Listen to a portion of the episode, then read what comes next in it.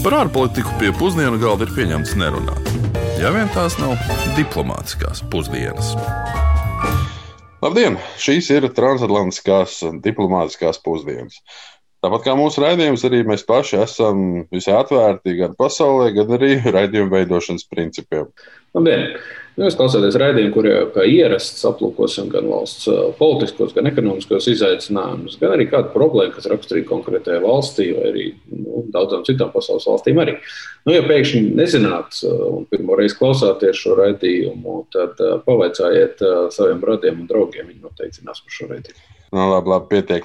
Pietiek, katru raidījumu sāk, it kā tas būtu pirmais, jo gal galā šis ir priekšpēdējais raidījums jau mūsu otrajā sezonā bet turpmāk tikai par lietu. Mm, Pilnīgi piekrīt.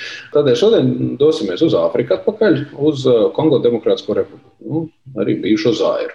Saīsināti saukt arī daudzos citos salikumos, kur populārākais laikam ir Kongo Kinshasa, kas iekļaut arī valsts galvaspilsētas nosaukumu. Un, um, tas tiek darīts uh, tikai viena iemesla dēļ, lai lielo Kongo Demokrātisko republiku nejauktu ar blakus esošo Kongo republiku.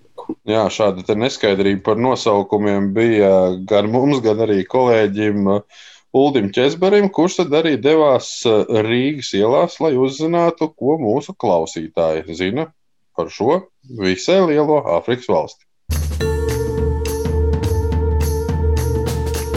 Ar ko jums asociējas Kongo Demokrātiskā republika? Oi, nezinu.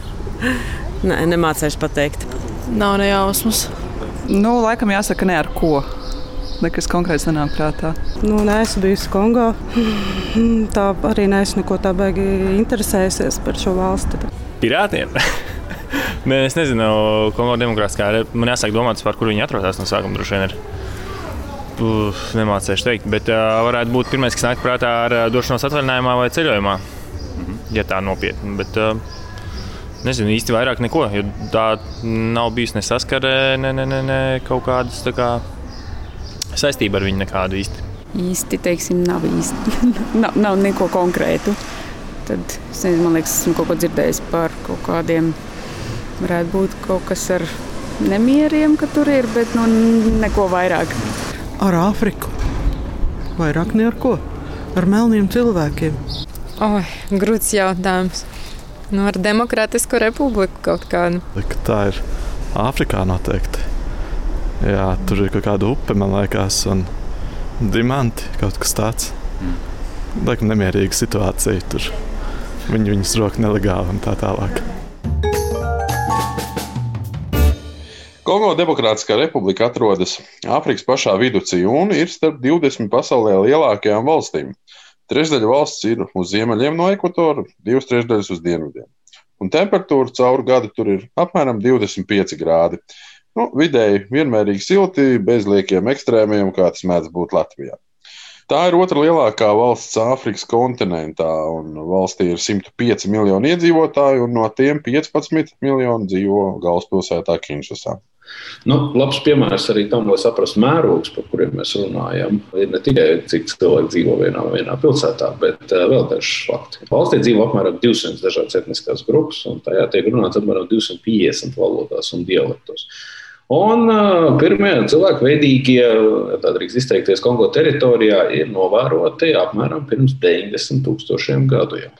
Nu, daudz nesenākā vēsturē gan jāmin, ka 1885. gadā karaļa Leopolda II interesēs Beļģi uzsāka Kongo upes baseina kolonizēšanu un tika izveidota Kongo brīvvalsts, kura bija personīgā Beļģijas karaļa pāraudzībā. Nu, respektīvi, ar brīvību šeit nebija nekādas saistības.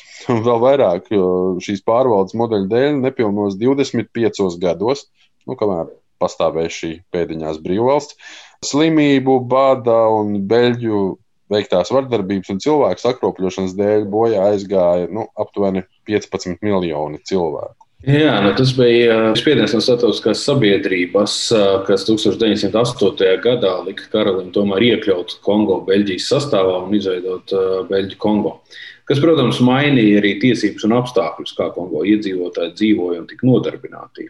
Un neatkarība pat Kongo iegūta 1960. gadā, un kopš tā laika ir piedzīvojis dažādas režīmus. Starp citu, dalība vēlēšanās mūsdienās Kongo ir obligāta. Nu, laikam šī būtu vēl viena vēsturiski ienākusi līdzība ar Beļģiju, kur arī tieši tāda pati situācija. Nu, mūsdienu Kongo ir piedzīvojusi virkni nedienu, režīmu, diktatoru, pilsoņu karu izējošo un ienākošo bēgļu tūkstošus, vardarbību, masveidīgus cilvēktiesību pārkāpumus. Nu, Šobrīd gan pusprezidentālo valsti kopš 2019. gada janvāra pārvalda prezidents Feliks Čisekedi, kas būtiskākais ir tas, ka viņš ir pirmais valsts vadītājs, kurš amatā nonāca mierīgā demokrātiskā varas nodošanas procesā, bez būtiskas vardarbības vai apvērsuma.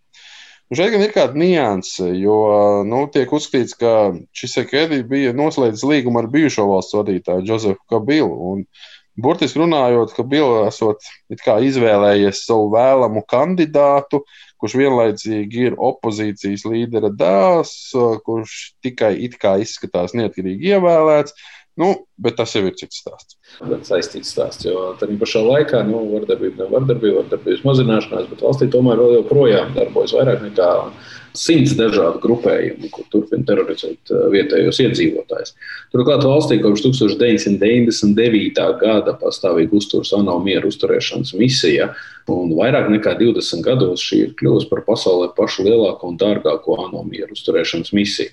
Nano līdzekļu tērēšana, gan cim redzot, eh, nav saistīta tikai ar centieniem izvairīties no kariem un potenciālām etniskajām tīrīšanām Kongo Demokrātiskajā republikā. Nu, tie, cim redzot, ir saistīta ar nepieciešamību nodrošināt eh, nepārtrauktību Kongo resursu ieplūšanai pasaules ekonomikā, ko konflikts, protams, eh, izjauc.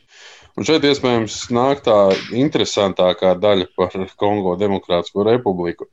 Aprēķini ir dažādi, bet tiek pieļauts, ka Kongo esošie dabas resursi un to vērtība pārsniedz aptuveni uzmanību 20 triljonus eiro. Un tas ir apmēram ASV vai Ķīnas iekšzemes koprodukta apmērā. Derīgo izrakteņu Kongo patiešām pietiek. Tas ir kobalts, varš, tantāls, nafta, diamanti, zelts, cinks, urāns, arī koksne, ogles un vēl daudz citu. Bet vai tu pats zini, kas pērk apmēram pusi no visiem Kongo resursiem? Jā, tieši tā, Ķīna. Nu, varbūt ir nācies jau dzirdēt par to, ka Ķīna kolonizē Āfriku vai šo tā dēvēto ķīniešu neokoloniālismu. Nu, tad, lūk, Kongo ir ļoti spilgts piemērs. Proti, resursu ziņā tā ir viena no bagātākajām valstīm pasaulē, un Ķīnas ekonomiskā politika ir bijusi nu, visnotaļ mērķtiecīga. Un nu, tādēļ Ķīna arī ir centrālā rietumu pasaules problēma. Atšķirībā no Krievijas, kur nevar vienkārši atļauties šādu ilgstošu un attālinātu ekonomisko un politisko klātbūtni citos pasaules reģionos, Ķīna faktiski izspiež rietumus no daudzām vietām pasaulē, no daudzām valstīm pasaulē. Nu, lūk, piemērs kā nauda, kombinācija ar cīnisku cilvēktiesību un labas pārvaldības principu ignorēšanu rezultējas mīlestībā pret Ķīnu. Jā, nu, laikam no cilvēks attīstības viedokļa raugoties, gribējām pasauli padarīt labāku sanāca kā parasti. Bet runājot par Kongo, un starp citu ne tikai par Kongo, un dažādiem resursiem vai atkarību no tiem, nereti tiek pieminēts tāds jēdziens kā resursu, jeb resursa lāsts. Ko tas nozīmē? To stāsta Turīnas Politehniskās Universitātes pētniece Kjara Ravetti, kas iepriekš Oksfordas Universitātē darbojās arī kā pētniece ar resursiem bagāto ekonomiku analīzes centrā.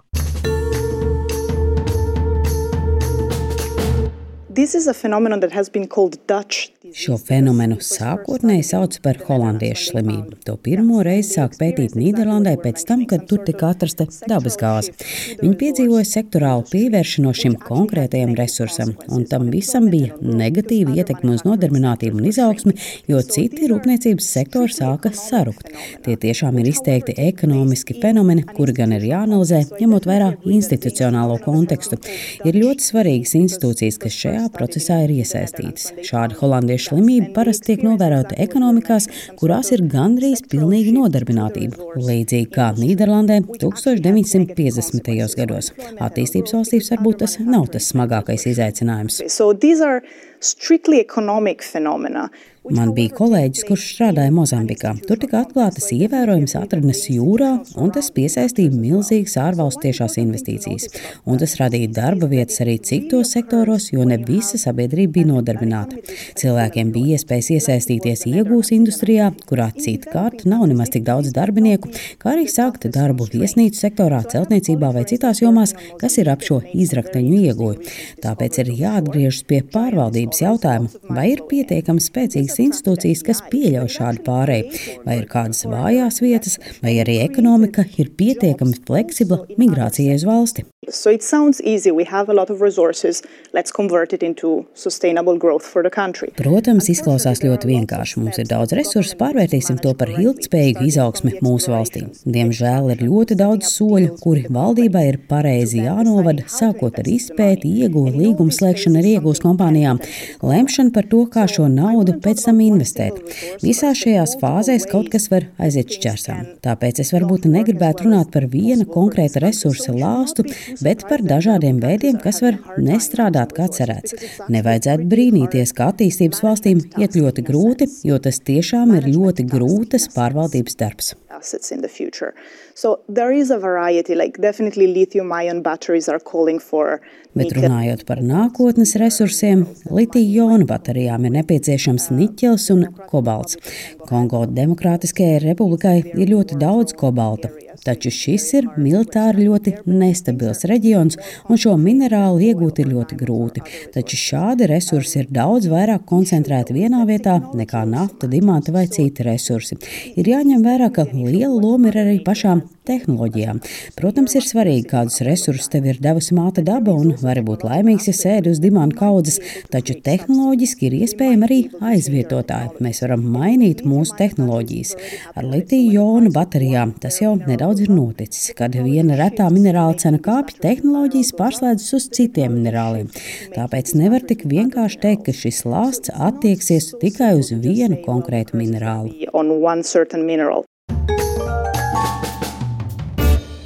Dabas resursi ir milzīgi un nozīmīgi, bet kāda ir to ietekme uz sociālo-ekonomisko situāciju valstī, respektīvi, nu, kā dzīvo cilvēki?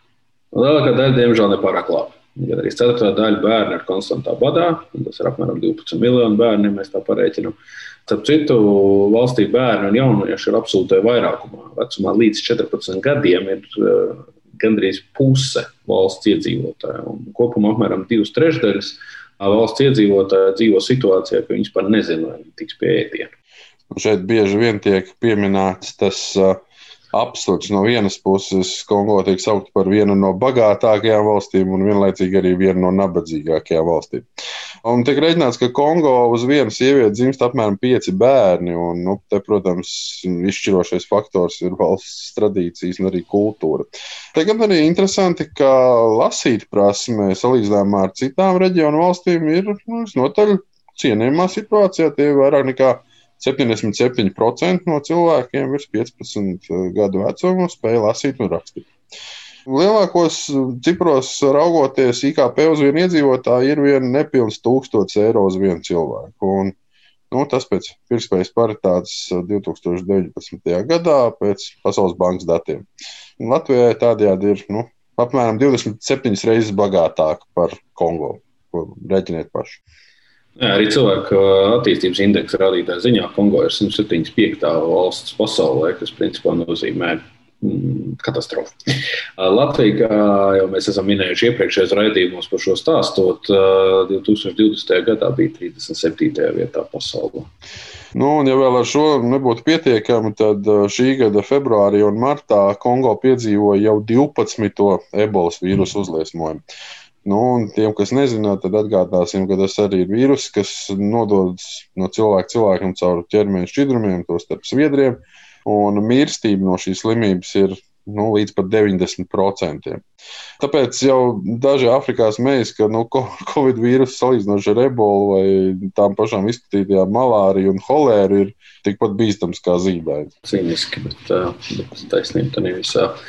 Acīm redzot, ir. Nu, rezumējot, laikam īsi jāsaka, tiem, kam šķiet, ka, lai valsts un tās iedzīvotāji būtu laimīgi, tai nepieciešama tikai derīga izrakteņa, nu, lai paskatās uz Kongo Demokrātiskās republikas nedienu. Lai cik būtu paēdis, vienmēr ir vieta arī desertam. Um, starp citu, vienu būtisku resursu mēs tomēr vēl nenosaucām. Un tas pie, arī pie desert ļoti, ļoti labi piederās. Un tas būtu ūdens. Respektīvi, Kongo Demokrātiskā republika ir nosaukta par godu Kongo upe. Tā ir pasaulē devītā garākā, bet otrā ūdeņainākā upe. Un tā ir arī pasaulē pati pati dziļākā upe, sasniedzot pat 250 metru dziļumu. Tas būtu apmēram 15 hrušķofu kokustumā. Jā, nu, savādi diētiski tā izpratne par desertu un arī upju dziļumus, ja es sācu Hruščovkās mērīt. Nu, tā izskatās, ka Amerika uz tevi interesanti iespēju ir atstājusi un laikam sāc ilgoties pēc mājām. Būtu jau tādas sistēmas. būtu labāk pastāstījis, ka Kongo ir atrodami arī divi no pasaulē aktīvākajiem vulkāniem. Un, Nu, to daudz iespējams arī pamanīja, ka pavisam nesen, maija otrajā pusē, notiks slavenā Niragongo vulkāna izvirdums. Starp citu, vulkāns atrodas Virungas Nacionālā parka teritorijā, un uh, šis 1925. Uh, gadā izveidotais dabas parks ir arī viena no bioloģiski daudzveidīgākajām vietām uz planētas. Un arī pirmais nacionālais parks Āfrikā, kurš ir iekļauts arī UNESCO mantojuma sarakstā. Nu, varēja vēl pieminēt, ka tur ir arī ļoti apdraudētās kalnu gorillas, kas tur mitinās. Bet, laikam, tomēr šodien mēs gribētu par desertu nedaudz papietēt. Um, respektīvi, biedējošais deserts būs. Tādēļ pastāstīsim, ka jūsu šobrīd rokās vai kabatās esošais mobilais telefons ir iespējams saistīts ar etniskajām tīrīšanām. Droši vien visi ir dzirdējuši par asins dimantiem, ja tā saucamiem blood diamonds, kur izcelsme ir konflikta zonas un no to pārdošanas iegūto naudu izmanto ieroču iegādē un tālāk kara darbībai. Nu, vismaz filmu ar Leonardo DiCaprio daudz noteikti redzējuši un zina, par ko ir. Un, gribot, negribot, mēs atkal esam atgriezušies pie dažādiem resursiem. Bet nu, dimants patiesībā nemaz nav tas pats pieprasītākais resurss, kura dēļ notiek konflikti. Kolumbīts, tantalīts, jeb rūdi, no kuras iegūst tantalu, kā arī alva, wolframs, tie ir metāli, par kuriem aktuēm notiek patiesi asiņainas cīņas dažādu bruņoto grupējumu starpā. Un Kongo gadījumā tas ir tieši valsts austrumdaļā.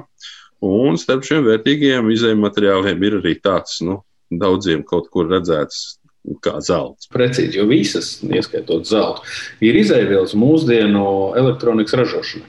Datora un mobila telefona īstenībā nevar iztikt bez šiem metāliem, tādēļ bez tiem iztikt nevar arī lielās elektronikas kompānijas. Tos jau, citu, tās pašas pieminētās no Ķīnas.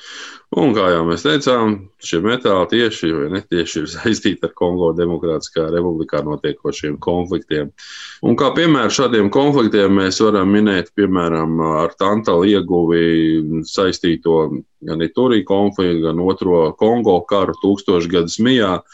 Un uh, arī īpaši divu lendu un hema etnisko grupu starpā, kas vēl joprojām, joprojām turpina notikt arī nu, civiliedzīvotāju slaktiņu veidā. Nu, jā, kā jau teicu, tāds kāpēc deserts mums šodien sanāca, bet um, sezonas noslēdzošajā raidījumā dosimies atkal uz mājām. Būs pozitīvāks raidījums noteikti, un uh, dosimies tepat uz Franciju. Un zinat, kādēļ? Jo Kongo Demokrātiskā republika ir lielākā franciska runājošā valsts pasaulē. Lai izdodas! Nu, vēl tikai pieminēšu, ka raidījuma atkārtojumos, kā vienmēr, varat klausīties Latvijas radio mājaslapā un jūsu iecienītajās mūzikas un raidstāstu straumēšanas platformās. Šis bija diplomātiskās pusdienas, kuras, kā ierasts, veidoja doktors Kārls Bukovskis no Latvijas ārpolitikas institūta un arī Nūģis Lībijams no Latvijas radio. Uz sadzirdēšanos jau pēc nedēļas. Diplomātiskās pusdienas katru otrdienu pusdienos Latvijas radio viens.